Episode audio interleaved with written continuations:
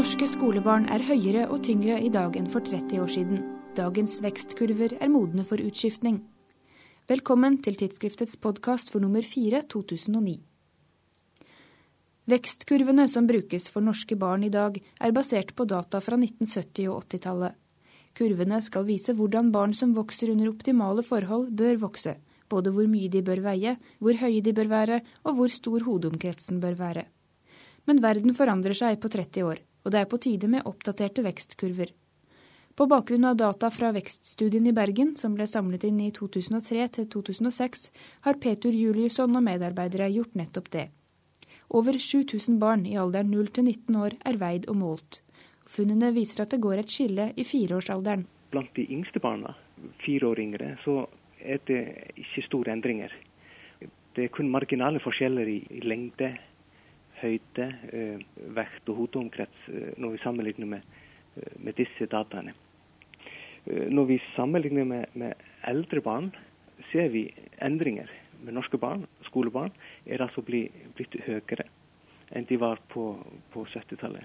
Hvis du ser på 50 prosentilen, medianen, så har du forskjeller opp til 2,5 cm hos jentene og, og, og, og til 3,4 cm hos, hos guttene. Hvis man ser på 2,5-prosentilen, eh, så er disse endringene enda større, og spesielt i puberteten. Men det ser vi forskjeller opp til eh, mellom 5 og 7 cm, faktisk. Hva kan være årsaken til denne utviklingen? Bedre oppvekstvilkår, altså færre infeksjoner, eh, bedre ernæring spiller rolle her. Altså. Så, så vekst er veldig følsom for mange faktorer. Til og med høyde over havflaten og forurensning eh, kan påvirkes, eh, påvirke barnas eh, vekst. De siste par tiårene har det vært en økning i overvekt og fedme hos barn og unge. De norske tallene viser en vektøkning kun hos dem over fem år, og da er det først og fremst de tyngste barna som er blitt tyngre.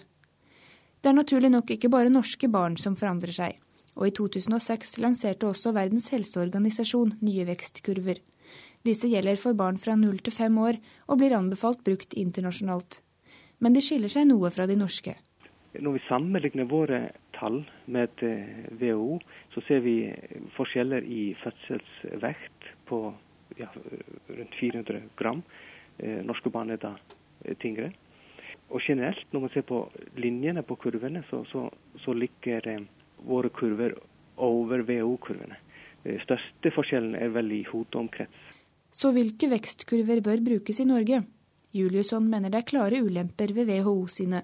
Hvis man anvender WHO i Norge, så vil da ca. 3000 barn for hvert alderstrinn mangle under 2,50 persentilen.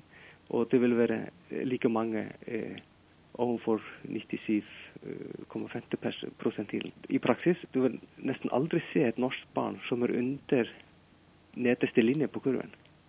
Men de antall de eh, barna som du ser overfor øverste WHO-linjen på hodeomkreft f.eks., er da ca. tredobla. Så, så veldig mange barn får oppmerksomhet, oppmerksomhet pga. store hoder. Altså Hvis man ser på vårt referansemateriale, så, så følger det ikke helt terrenget som vi, som vi oppfatter det. Så det, det er vel eh, en helt klar utfordring eh, hvis man skal anvende slike kurver eh, helt ukritisk i, i, Norge. Det må i hvert fall ta noen tilpasninger til. Kari Kveim Li, lege og forsker ved Folkehelseinstituttet, deler til en viss grad Juliussons bekymring. Hvis kurvene for hodeomkrets viser for lave verdier, slik det ser ut til at WHO-kurvene gjør, mener hun man må regne med flere tilfeller av grunnløs bekymring og unødvendig henvisning for mulig hydrocefalus, altså vannhode men hun ser fordeler og ulemper ved både de norske og de internasjonale vekstkurvene. Ja, De er jo ganske forskjellige. da.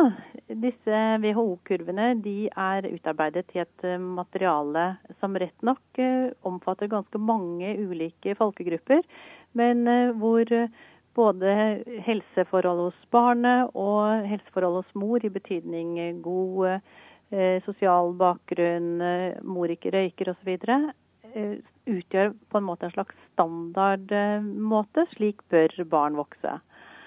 Mens Juliussons eh, kurver de er utarbeidet på bakgrunn av sånn som norske barn er, for å bare si det helt eh, grovt. Eh, som det fremgår av artikkelen, så er ikke forskjellene så veldig store heller. Slik at hvis man tenker på vurderingen av det enkelte barnet, så er det kanskje ikke heller så avgjørende om man velger det ene eller det andre. Der vil det være viktigere å se hvordan utvikler barnet seg over tid. Men i forhold til den samfunnsmessige siden, overvåkningen av hvordan står det til med de norske barna for tiden, da trenger vi selvfølgelig representativ eh, måling av den norske befolkningen. Og da eh, har for så vidt også eh, Juliussons kurver den svakhet at det ikke omfatter barn av innvandrerforeldre. Eh, så kunne man diskutere trenger de egne kurver, eller skulle de innarbeides i det norske materialet. Men det er noe man må ta stilling til. Og det er Helsedirektoratet som må ta stilling til dette, der saken for tiden er under utredning. Uansett hvilke vekstkurver direktoratet går for, mener Kveim Lie at arbeidet til Juliusson og medarbeidere er av stor betydning. Det er veldig viktig som, å beskrive virkeligheten blant norske barn akkurat i dag. Og det er også samlet inn på en sånn måte at de kan være utgangspunkt for forskning. Du kan lese både originalartikkelen og lederartikkelen i tidsskriftet nummer fire. På gjenhør.